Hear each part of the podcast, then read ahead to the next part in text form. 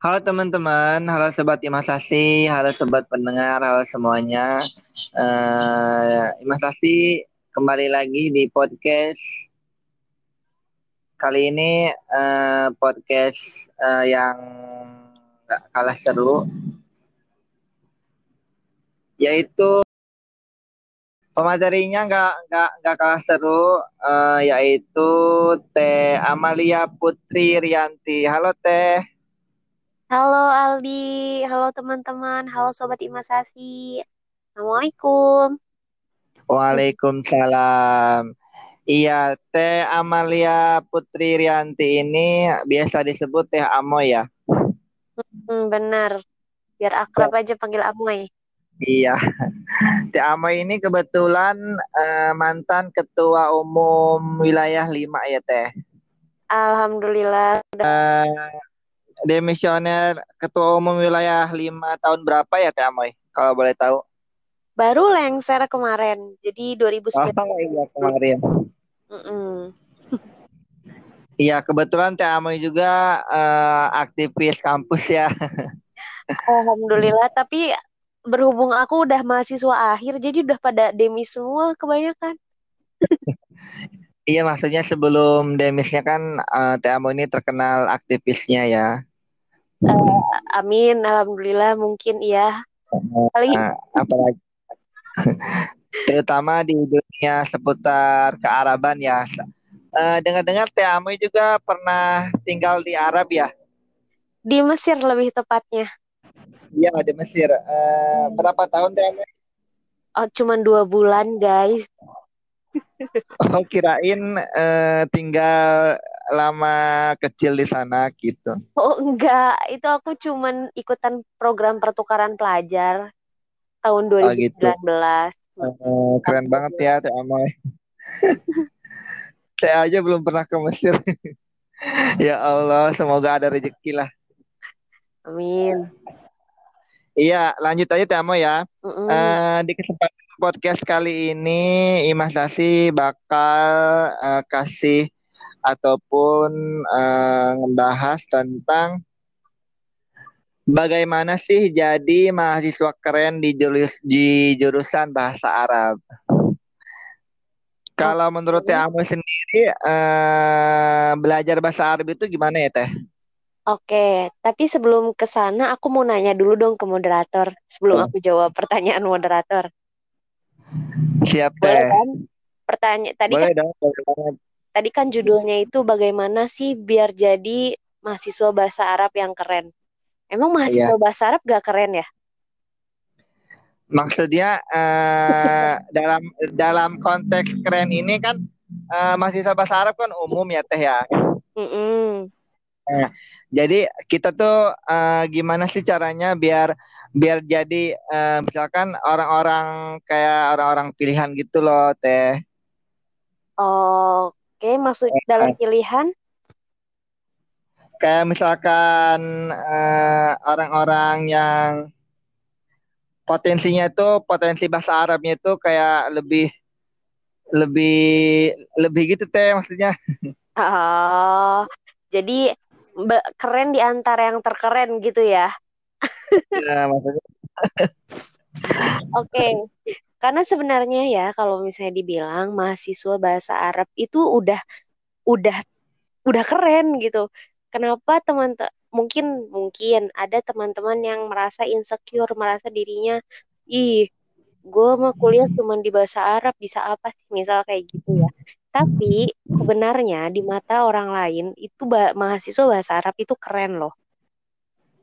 Apalagi, Keren banget ya teh. Hmm, apalagi kalau mahasiswa bahasa Arab itu mau atau punya banyak uh, talent talent ataupun punya banyak uh, apa ya punya value lah dalam dirinya sendiri. Sehingga orang-orang lihat wih mahasiswa bahasa Arab bisa gini mahasiswa bisa bahasa Arab bisa gitu. Keren ya jadi keren di antara yang terkeren gitu. Hmm. mahasiswa bahasa Arab udah keren. Kalau mau ya jadi lebih keren lagi gitu.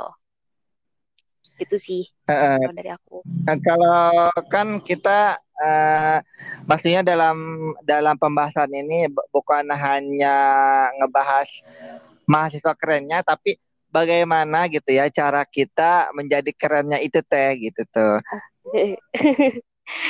Uh, mm, mungkin kayak uh, lanjut ya lanjut ya uh, mungkin yang aku tangkap gini semua mahasiswa itu kan pasti punya tujuan ya punya tujuan dia masuk yeah. masuk uh, sebuah universitas masuk jurusan itu pasti ada tujuan yang dia ingin capai Adapun pasti, pasti. Uh -uh, adapun orang-orang yang mungkin merasa salah jurusan, dia akan bingung nih.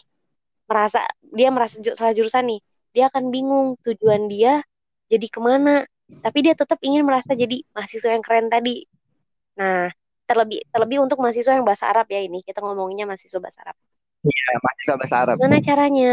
Kalau dari aku rancang tujuannya lagi. Rancang lagi, U. Rancang apa ya rancang ulang tujuan uh, mahasiswa seorang mahasiswa atau seorang uh, apa tuh iya seorang mahasiswa untuk merancang tujuannya ulang. Kenapa? Apa yang dia bisa dapat kalau misalnya dia masuk bahasa Arab? Kalau dia punya kalau dia punya tujuan yang uh, konkret dia punya tujuan yang ingin dia capai dia akan terus usaha ke sana dan nanti pun bakal ada uh, titik di mana itu melihat dia gitu. Kayak gitu. Benar-benar benar banget.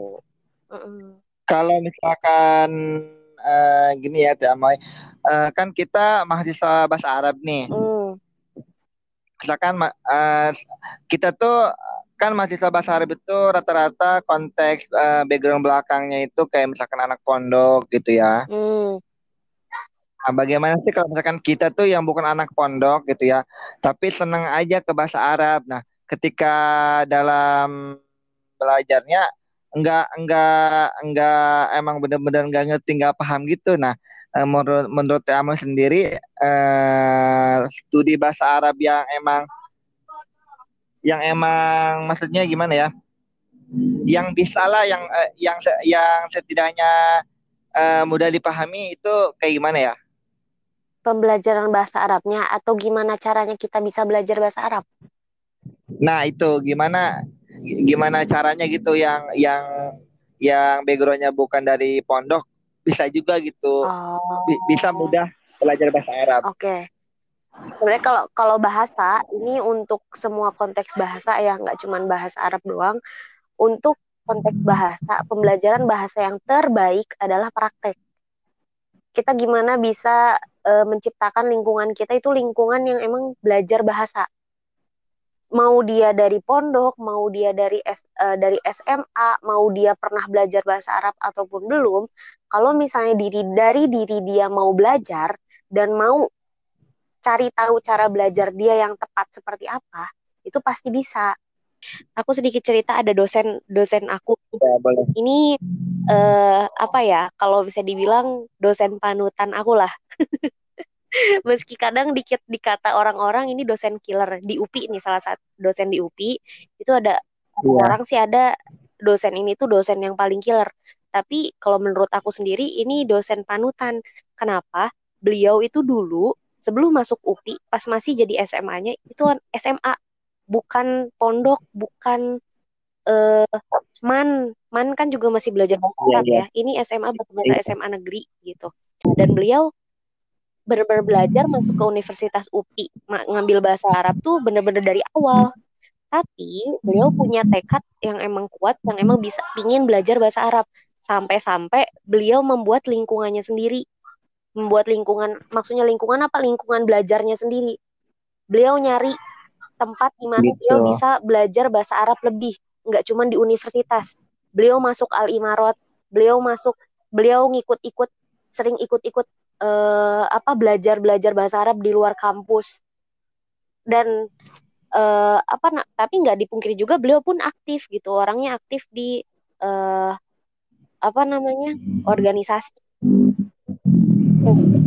Uh, dan sekarang beliau sekarang jadi dosen yang mana dosennya itu yang dikata orang killer dalam kebahasaan padahal dulunya backgroundnya bukan pondok loh gitu. Itu salah satu contoh role model yang ada di UPI. Mungkin uh, teman-teman UPI yang mendengar podcast ini langsung dosennya siapa karena ini dosen yang udah udah familiar banget ya iya ini dosennya itu uh, dia tuh beliau sangat-sangat disiplin mengenai penggunaan bahasa yang mana kita yang pondok aja kadang masih kalah gitu kayak gitu gitu. Jadi kalau misalnya memang ada dari diri dianya ada keinginan yang kuat dia pasti akan mencari nih lingkungan mana yang cocok untuk belajar bahasa Arab gitu.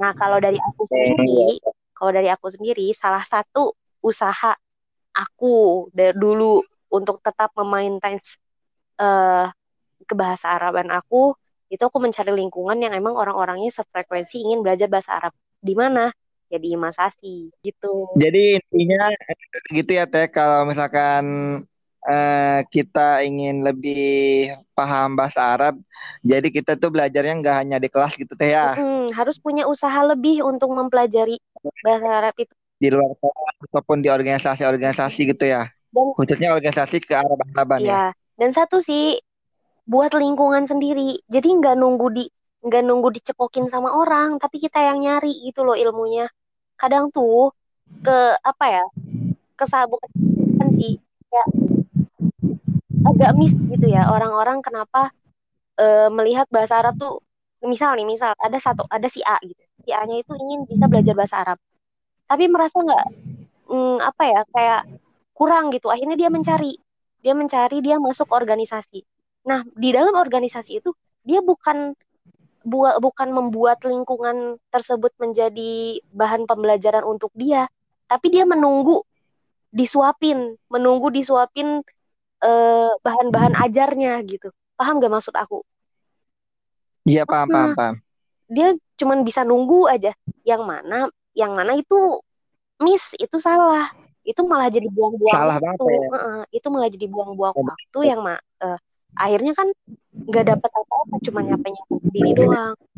Kalau mau bikin lingkungannya sendiri. Kayak tadi uh, dosen yang aku bilang beliau bikin lingkungan sendiri. Beliau nyari sendiri yang mana yang tepat nih lingkungan yang tepat dan lingkungan yang memang mau dia bentuk tempat belajar bahasa Arab.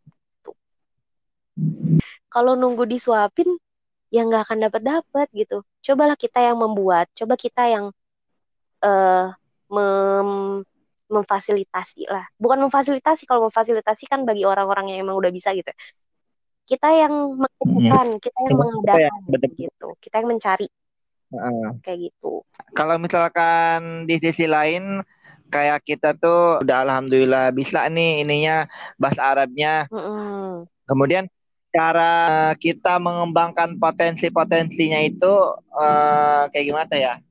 Nah, yang tadi nyambung juga ya sama ini yang yang tadi kan bagi orang yang memang belum punya belum punya basic nih ceritanya. Sekarang kamu nanya orang yang udah punya basic bahasa Arab terus masuk di jurusan bahasa ya. Arab gitu kan? Ya.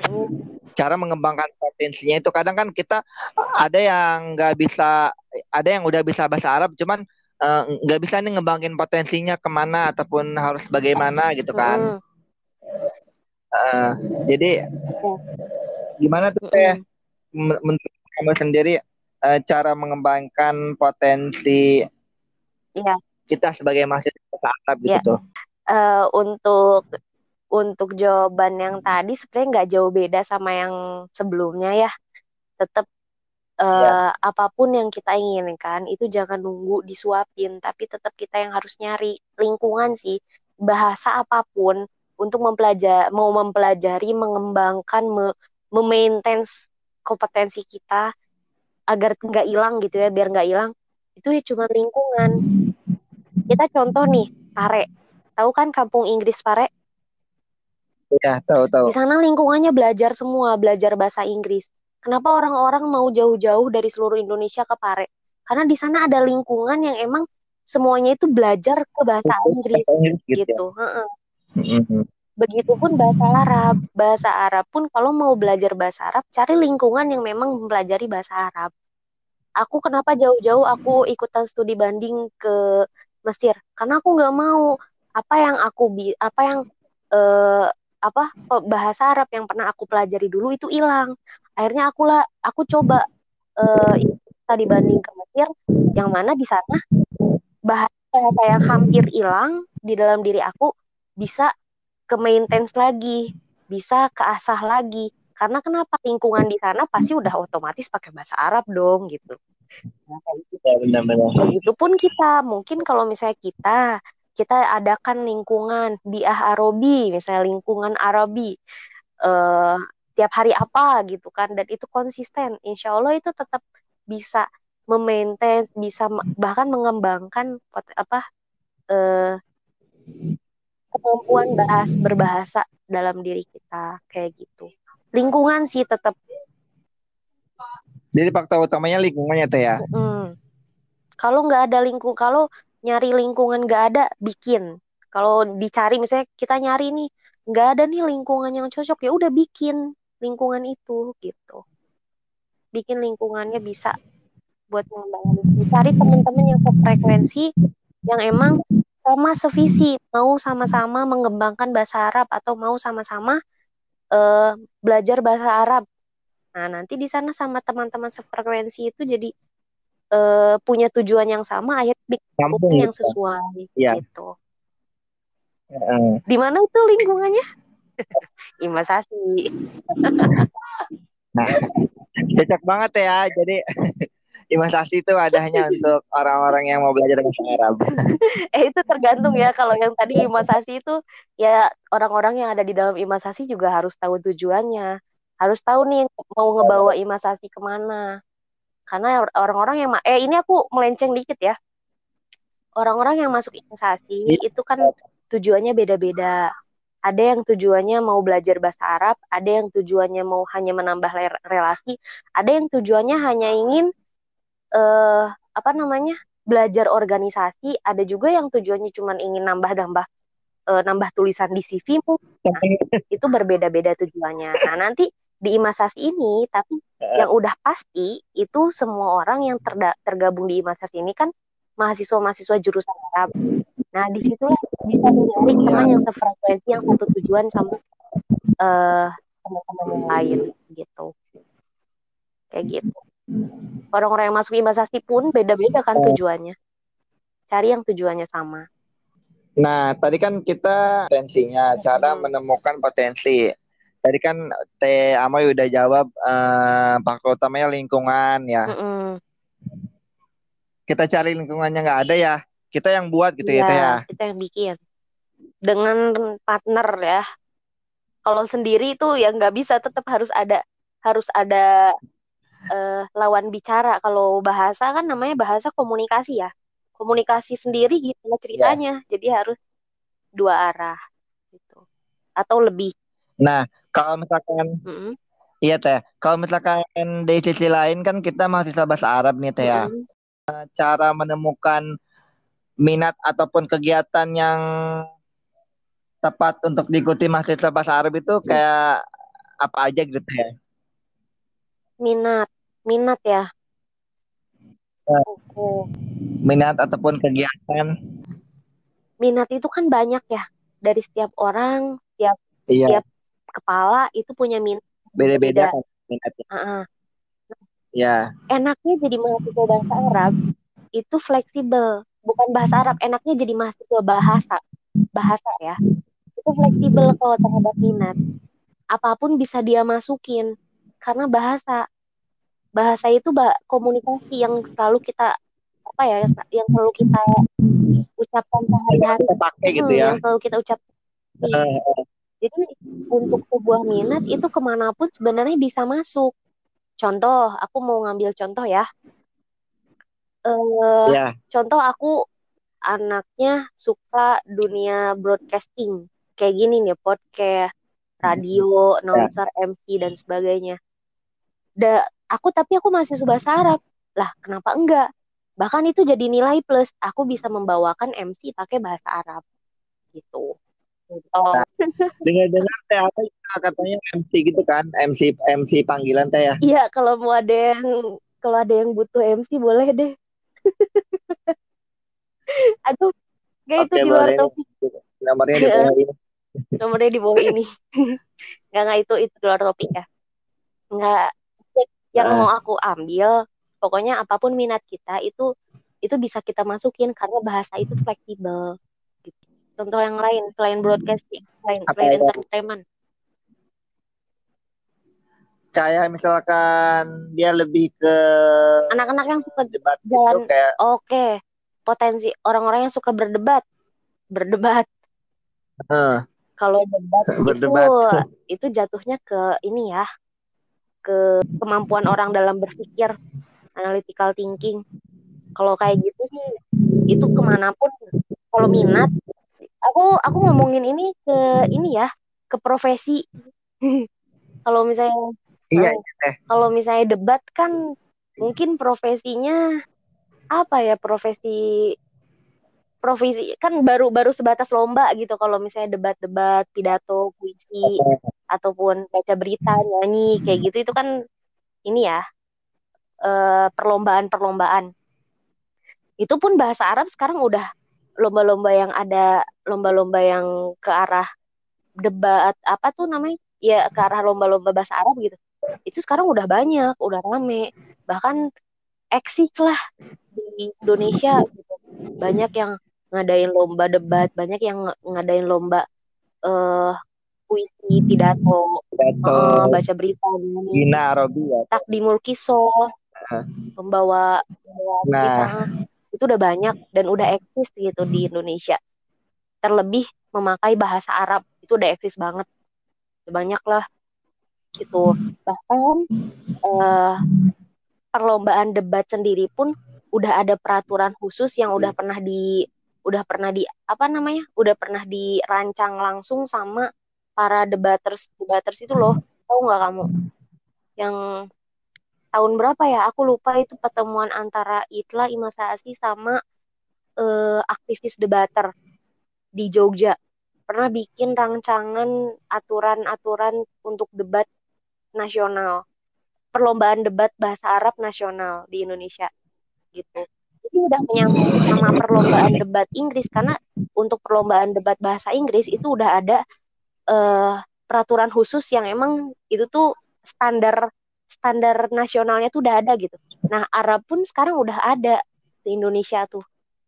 Itu rancangannya uh, debater, dan Itla. Kalau aku pernah ada kayak gitu tahun berapa gitu aku lupa gitu itu pernah ikut pernah emang pernah ikut juga pernah ikut bergelut di dunia debat juga oh, gitu mbak pernah ya. Di Win Bandung. Sama di mana ya? Lupa di Unpad sama di Unpad. Di daerah Jawa Barat rumah. Nah kembali lagi ke minat. Hmm. oh iya. Tadi malah ngalor ngidul kan? Selain minat kan ada beberapa kayak kegiatan ya kegiatan mahasiswa bahasa Arab itu uh, yang cocok lah buat mahasiswa bahasa Arab itu kayak kegiatan apa aja sih teh? Kalau boleh okay. tahu ya? Iya ini masih masih nyambung sih ya sama yang tadi ya masih nyambung sama yang tadi. Iya uh, masih nyambung. Nah itu tadi yang minat-minat yang ke arah perlombaan itu banyak udah banyak banget yeah. dia ada debat pidato puisi narobi di melkiso baca berita yeah. MKK baca apa kiratul kutub bacain kutub. bacain Arab-Arab gundul itu juga udah termasuk perlombaan-perlombaan yang ada di bahasa Arab. Tapi terlebih uh. di luar itu misalnya kalau kita ngelihat ke yang profesi yang tadi aku bilang tentang broadcasting misalnya gitu. Kalau misalnya kita jauh ngelihatnya ke profesi itu banyak banget. Ada pariwisata. Pariwisata itu kita bisa jadi penerjemah. Eh kita bisa jadi tour guide misal tour guide untuk orang-orang asing orang-orang yang um, dari daerah uh, iya, iya. kayak gitu ataupun kitanya yang membawa orang-orang Indonesia ke daerah Timur Tengah. Itu di pariwisata bisa. Di daerah terus di Kemenlu misalnya ya di Menteri Luar Negeri kayak gitu itu bisa mendalami diplomasi-diplomasi, bisa mendalami uh, gimana hubungan-hubungan internasional antara apa uh, Indonesia dan negara-negara sana. Itu pasti butuh banget orang-orang uh, butuh banget orang-orang yang bisa bahasa Arab dan mengerti akan hal hal-hal diplomasi, hal eh, hal diplomatik, hal uh, hubungan internasional dan yang lainnya. Nah, mahasiswa gunanya itu mempersiapkan hal-hal yang akan dituju ke sana kan sebuah hmm. tujuan. Nah sebenarnya tujuan juga ya. Nah, ya. Sebenarnya itu uh, banyak banget ya kayak banyak, misalkan profesi profesi mahasiswa besar itu emang kayak keren-keren hmm. ya iya. kayak misalkan tadi Tia mau bilang kayak Pak pemandu uh, pemandu wisata kan ya. Pemandu wisata. Di antara. Iya benar. Maksudnya iya maksudnya sebenarnya banyak itu kan ya. diplomat kan di antaranya. Nah, yang sering kita dengarkan uh, mahasiswa bahasa Arab itu misalkan apa sih gitu uh, profesi mahasiswa bahasa Arab gitu ya. Bisa apa nantinya ya? Yang bikin ragu mahasiswa bahasa Arab kan banyak kayak yeah. gitu teh ya. Iya. Nah, cara Nah, kalau misalkan ada pertanyaan kayak gitu, ber berarti caranya gimana tuh teh? Agar kita itu mahasiswa bahasa Arab emang uh, yakin bahwa profesinya itu emang jauh lebih hebat, lebih keren hmm. gitu teh.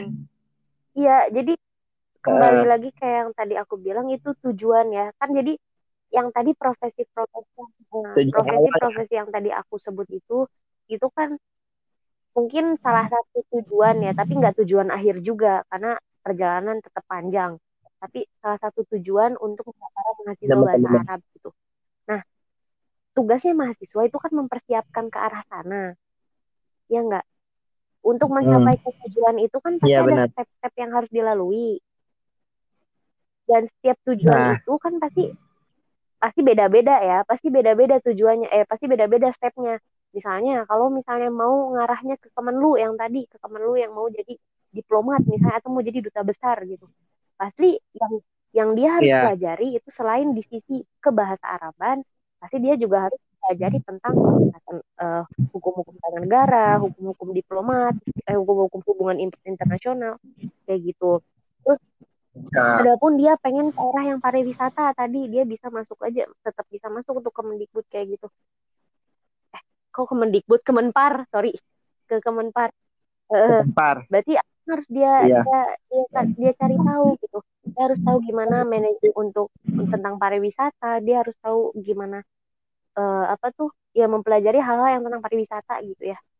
Terus uh, mm. terus dia misalnya dia pengen kayak tadi aku gitu. Aku pengen jadi anak-anak broadcaster gitu ya anak broadcasting. Ya berarti dia harus mempelajari ilmu-ilmu komunikasi harus mempelajari uh, ilmu broadcast kayak gitu.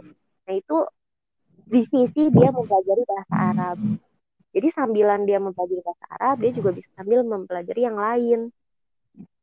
Bahasa itu kan fleksibel tadi itu. Yang tadi yang aku bilang ya, bahasa itu fleksibel.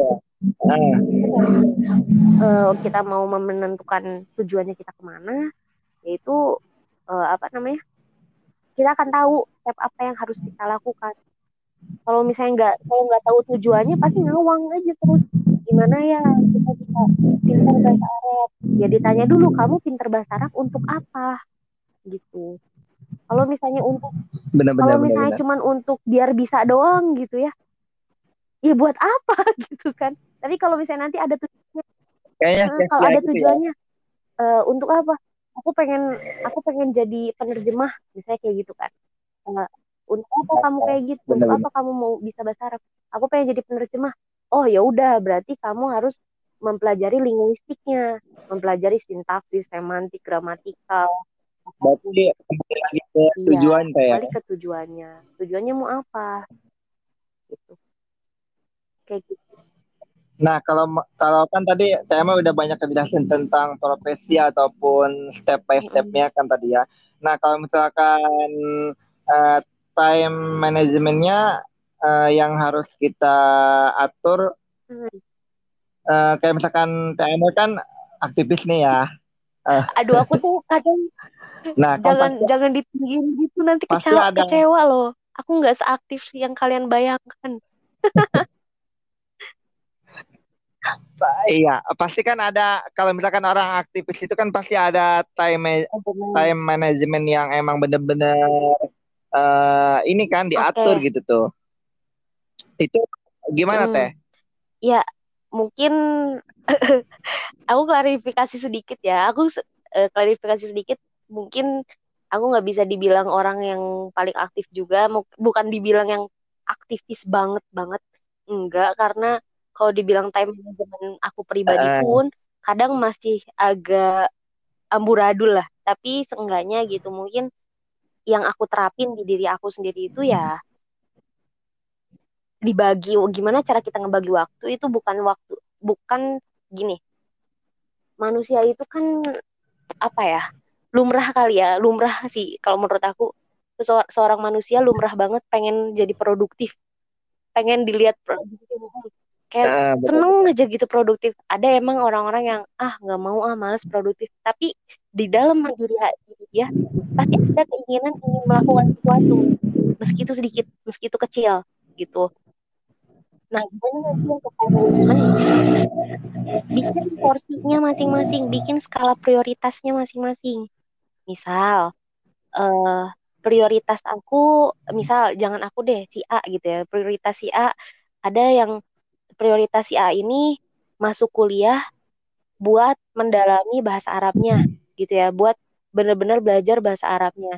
Dan dia mau tujuannya, ini ini kembali lagi tadi yang tujuan juga, dan dia tujuannya uh, uh, penerjemah misalnya dia tujuan penerjemah. Terus uh, tapi dia nggak punya basic bahasa Arab.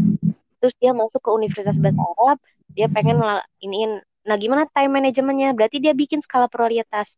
Skala prioritas yang paling utama paling atas itu pembelajaran bahasa Arabnya waktu dia di kelas waktu dia untuk uh, lebih mendalami bahasa Arab tapi nggak menyampingkan uh, prioritas yang lain. Tetap dikasih prioritas sebagian prioritas untuk berorganisasi. Organisasi penting. Kenapa? Untuk relasi. Nah, terus dikasih skala prioritas, eh, dikasih ke prioritas yang lain juga untuk apa? Untuk dirinya dia sendiri. Jangan terus produktif, produktif, produktif, tapi sayangin juga diri diri sendiri gitu. Harus ada tetap waktu di mana dia itu istirahat, biar nggak puyeng dan biar nggak mumet lah intinya mah kayak gitu. Terus juga ya iya, kasih iya. juga waktu untuk uh, misalnya untuk teman-teman kayak gitu. Nah, itu tetap harus dibagi. Nah, ngebaginya tergantung skala prioritas kamu yang paling atas apa gitu. Itu sih, muter-muter ya aku ngomong. Kayak bener, kayak enggak kok kayak misalkan orang kan beda-beda gitu ya. Mm -mm. Kayak misalkan ada yang lebih ke dia tuh lebih kayak uh, akademi hmm. gitu kan ya iya betul lebih ke organisasi lebih ke friendly friendly kan orang-orang nah, beda-beda ada juga kan. yang misalnya dia pinginnya pingin pengen pengen emang masuk kuliah untuk mencari relasi misal gitu kan ya ya udah berarti skala skala prioritas hmm. dia banyakin organisasi. Mungkin ke kampus tapi tetap kampus kan gak ditinggal ya. Tetap dikasih prioritas kepada kampus cuman yeah. prioritas utama dia organisasi. Gitu kayak gitu. Itu juga nggak salah kok. Mm-hmm. gitu. Itu udah iya itu juga udah termasuk time management yang emang dia udah atur ya. Tentuin skala prioritas buat dia. Gitu nah uh, kan tadi tema udah banyak-banyak ya, udah banyak ngasih kita pencerahan juga tentang mahasiswa bahasa Arab da dari mulai yang nggak bisa bahasa Arab, yang bukan background bahasa Arab gitu ya, kayak misalkan bukan anak pondok, terus tadi juga udah kayak profesi-profesinya udah dijelasin step by stepnya. Nah, uh, biar teman-teman yang dengar lebih lebih ini lebih percaya lagi, lebih yakin lagi. Nah, eh, Ta'amul sendiri kan udah banyak relasi, banyak organisasi ya, tentunya di organisasi bahasa Arab. Nah, boleh dong Ta'amul itu eh, kayak sharing gitu pengalaman ke kita semua okay. yang dengar. Aduh, aku kalau aku bukan motivator jadi malu. Apaan sih geli? Karena kan kelihatannya ya kayak kayak misalkan di inian apa ya kayak misalkan media sosial teh Amoy kan kayak Instagram. Ketawa nih tukang saker eh, eh media sosial itu selalu memperlihatkan hal-hal terbaik. Iya enggak sih bener bener bener buruknya yang ditutup tutup nah, ya. Makanya jangan terlalu ditinggi tinggi ntar kecewa ngeliat aslinya. Oke oke. Oke gini. Iya. Uh, aku uh, jadi gimana aku teh? mungkin pengen cerita sedikit tentang sekarang apa yang apa yang sekarang lagi aku jalanin ya. Jadi uh, uh. aku sekarang tuh kan lagi uh, aktif. Sekarang kalau detik ini sih detik ini aku lagi cuti sebentar karena aku lagi fokus ngerjain skripsi. Nggak selesai selesai ini aku. Nah tapi kemarin sebelum sebelum cuti ini ini aku lagi aktif di salah satu lembaga uh, penyedia beasiswa gitu. Bumi namanya. Bumi Bumi, B U M I Bumi. Mm-hmm. uh, aku lagi aktif di sana gitu. Jadi core core-nya public relation. Public relation tuh kan PR ya humas lah gitu bahasanya bahasa gampang nama uh, nama yang mana lembaga ini kalau dibilang untuk notabene mahasiswa bahasa Arab nggak ada nyambung nyambungnya sama sekali. Jadi ya aku masuk ke sini karena aku suka di bidang komunikasi gitu. Makanya aku masuk ke sini dan mendalami bidang oh, iya, public iya. relation. Nggak awalnya nggak ada sangkut paut sama mahasiswa bahasa Arab. Suatu hari ini aku lagi aku cerita ada kelebihan kayak bersyukur banget gitu aku ada mahasiswa bahasa Arab. Suatu hari uh, kita ini punya rancangan kan namanya namanya lembaga pasti punya program jangka pendek sama jangka panjang toh. Uh, yeah. jangka panjang kita itu kita mau ngebuka uh, kerjasama dan relasi ke negara-negara pokoknya ke negara-negara di selain Indonesia. Eh maksudnya selain apa kita mau ngebuka mau go internasional lah intinya. So tadi kita punya rancangan kita mau ngebuka ngebuka relasi kerjasama ke negara-negara di bagian-bagian Eropa dan Timur Tengah. Gitu. Untuk mencapai ke arah sana itu kan butuh orang-orang yang emang pertama kalau untuk ke arah Eropa berarti dia harus bisa bahasa Inggris. Kalau ke arah Timur Tengah itu berarti bisa bahasa Arab. Ya Arab. yang ada di dalam organisasi itu yang lulusan pesantren dan bisa bahasa Arab itu cuma empat orang. Di antaranya aku antaranya karena ya, gitu ya aku memang jelas-jelas mahasiswa bahasa. Arab gitu ya. Ketiga laginya cuma karena emang dia lulusan pesantren aja tapi bukan mahasiswa bahasa Arab. Yang mahasiswa bahasa Arab itu oh, cuma iya, aku. iya. dan untuk merealisasikan ke sana itu kan itu tujuan tujuan tujuan jauh ya jangka panjang gitu. Untuk merealisasikan ke sana kan butuh orang yang emang bisa bahasa Arab. Akhirnya dari situ karena aku yang satu-satunya masih Arab aku di training aku dikasih aku dikasih modal lah intinya mah dikasih modal ilmu untuk bisa mencapai ke arah sana kayak gitu kan kayak wih bersyukur nih untuk aja gue. Kayak ada harapan kayak, ya, untung ya, untung untung gue mahasiswa bahasa Arab. Gue jadi dipilih untuk jadi yang nantinya bisa mem, apa sih menghubungkan relasi antara uh, pendidikan yang ada di Indonesia ke ke arah sana. Kan apa ya uh. ya seneng aja gitu.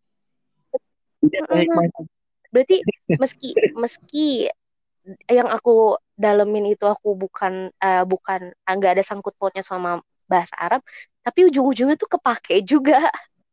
Kayak kan masih ke bahasa Arab woi gitu lu harus bisa gitu. Berarti nih nih gue kasih tugas ini ke lu gitu. Ini jangka panjang kita gue kasih modal kayak modal ilmu gitu ya kasih kasih training kasih ini kasih ini kasih ini buat ngebentuk nanti ke, di masa depan itu lu harus bisa kayak gini gini gini gini untuk bisa rela, ngambil relasi Timur Tengah. Hmm. Ya. Ih, untung gue masih bahasa Arab gitu. kayak gitu. Iya jadi kayak ya. ada hikmahnya juga jadi Iya jadi ada bahasa Arab juga. Padahal kan gak ada nyangkut nyang, nyangkut paut banget kayak setiap aku kerja atau apa kayak gitu nggak pernah ditanya kamu jurusan apa ya ngapain juga gitu nggak soalnya nggak ada sangkut pautnya sama sekali tapi ternyata kepake ternyata kepake dan itu hal yang menurut aku luar biasa sih aku bisa nanti uh, apa sih ya dikasih ilmu banyak gitu sama mereka dikasih training dikasih ini dikasih itu gitu sama lembaga sana gitu itu salah satunya dan Itu yang sekarang Teh mau jalanin apa yang sekarang aku yang lagi udah jalanin. udah? Hmm. Kalau ya, yang ya. udah-udah juga banyak kayak uh, oh ada tuh. Aku pernah ngajar ngajar ini. Jadi tuh posisinya ih ini aku ada ada ada mungkin karena aku juga pendidikan ya di UPI-nya kan aku pendidikan bahasa Arab. Jadi pendidikan kan uh, PBA, PBA pendidikan ya. kan ngarahnya ke ini ya ke guru lah gitu. Dulu aku pernah gini uh, dulu uh, keguruan. ada aku tuh pernah dari lagi pindahan kosan kalau nggak salah. Aku lagi pindahan kosan ceritanya. Bawa barang tuh kan banyak. Pakai go ini pakai gobok pakai uh, gojek tapi truk. Tahu kan? Gitu.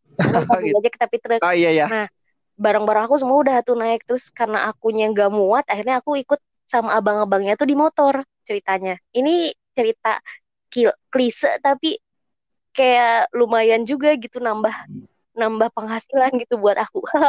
Nah pas lagi cerita Gojek itu ya abangnya nanya gitu kan e, kok pindahan sih neng ya gitu lah terus nanya lah jurusan apa? Bahasa Arab pak gitu. Wih bahasa Arab gitu. Eh coba senyum doang kan aku. Upi pendidikan ya berarti? Iya pak pendidikan.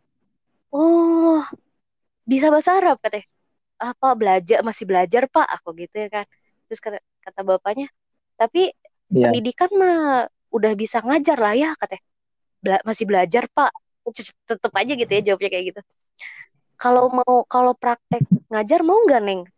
Ah aku tuh langsung cengok. Ah praktek ngajar apa pak? Gitu. Jadi gini saya itu punya yayasan. Nah yayasannya itu belum ada pelajaran bahasa Arab saya pengen banget gitu di sana tuh ada belajar bahasa Arabnya. Mau nggak neng isi di sana? Itu dari tukang gojek lo coba kalau gak adanya kalau aku kalau bukan aku bukan mahasiswa bahasa Arab. Misalnya aku cuma pendidikan pendidikan pendidikan bahasa Indonesia pak. Oh yayasan aku yayasan saya udah punya bahasa Indonesia udah punya guru bahasa Indonesia. Nggak usah gitu kan. Terus aku bilang e, pendidikan bahasa Arab. Bisa kebetulan ya, bisa. gitu ya dan di sana aku ngajar selama ada satu semester mah. Lumayan kan sebulan dapat penghasilan yang lain gitu. Itu ternyata dicari sama orang. Kayak gitu. Itu enggak enggak uh. enggak enggak kayak apa ya? Namanya eh kesempatan dan jalan itu selalu terbuka sebenarnya tuh. Cuman kayak gimana caranya kita ambil kesempatan itu aja. Kayak gak usah gak usah terlalu lama apa ya terlalu aku insecure ah gak di mahasiswa bahasa Arab gak dapet apa-apa atau apa. Jangan kayak gitu percaya bakal dapet kok gitu. Kalau misalnya nunggu nunggu dikasih mah ya nggak akan dapet dapet. Udah jalanin dulu aja semaksimal kamu jalanin dulu se yang bisa kamu lakukan nanti bakal kebuka sendiri jalannya gitu.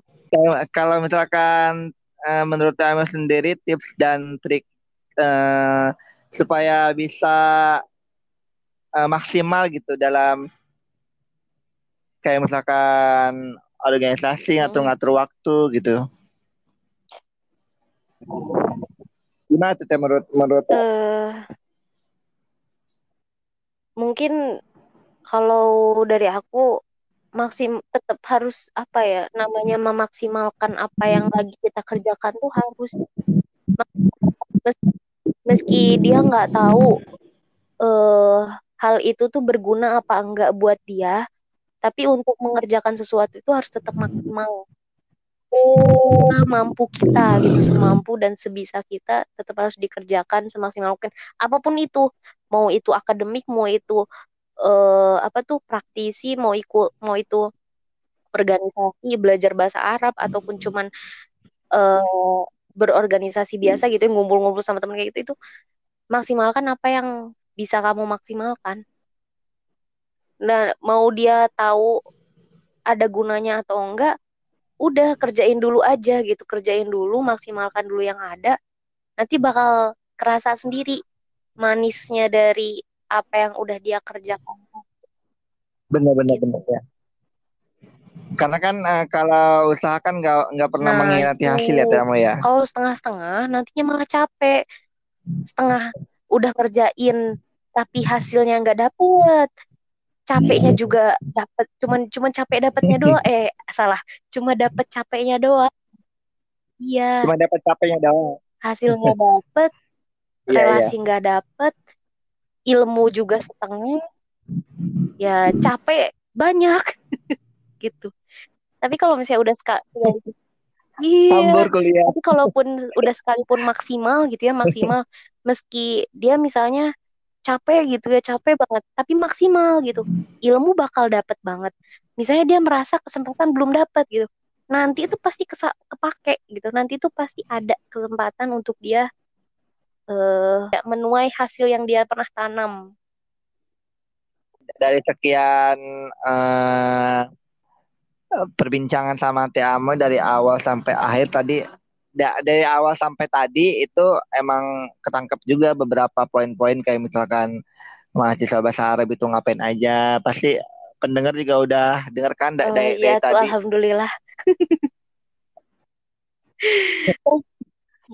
Nah sebelum ditutup, ditutup ya uh, podcast ini uh, boleh dong Tiamo itu kasih apa ya kasih kayak uh, closing statementnya lah kayak misalkan saran ataupun motivasi ke mahasiswa bahasa uh, Arab. Aku mungkin closing statementnya mau ngutip dari perkataan orang aja kali ya. Karena closing statement dari aku, mm -mm, closing statement dari aku, mungkin aku ngambil dari kutipan Lanjut, orang ya? yang aku juga lupa sih hmm. sebenarnya ini siapa, tapi ini termasuk orang yang terkenal kok uh, apa yang kamu lakukan sekarang dan bersama siapa kamu sekarang, siapa teman-temanmu sekarang dan siapa circlemu sekarang itu sangat menentukan kamu di lima tahun yang akan datang. Dan adapun kamu hari ini adalah kamu di lima tahun yang sebelumnya. Kamu lagi ngelakuin apa, kamu lagi sama siapa, dan apa pembahasan kamu saat itu. Jadi apa pun yang sekarang kita lakukan, ini tuh akan menjadi bekal di masa depan. Gitu. Oke baik teman-teman, jadi itu tadi uh, kita sudah banyak membahas tentang jadi keren kuliah di jurusan bahasa Arab. Semoga apa yang disampaikan oleh Teh Amoy bermanfaat bagi kita semua. Amin ya robbal alamin. Sampai jumpa lagi di kesempatan podcast lainnya tentunya dengan tema yang berbeda dan menarik pula. Saya ambil kesimpulan bahwa menjadi mahasiswa bahasa Arab itu amat sangatlah keren karena selain kita belajar bahasa Arab kita juga bisa belajar bahasa Quran karena bahasa Arab adalah bahasa Quran dan bahasa Quran adalah bahasanya surga. Saya Aldi Aldriansa mohon undur diri. Wassalamualaikum warahmatullahi wabarakatuh.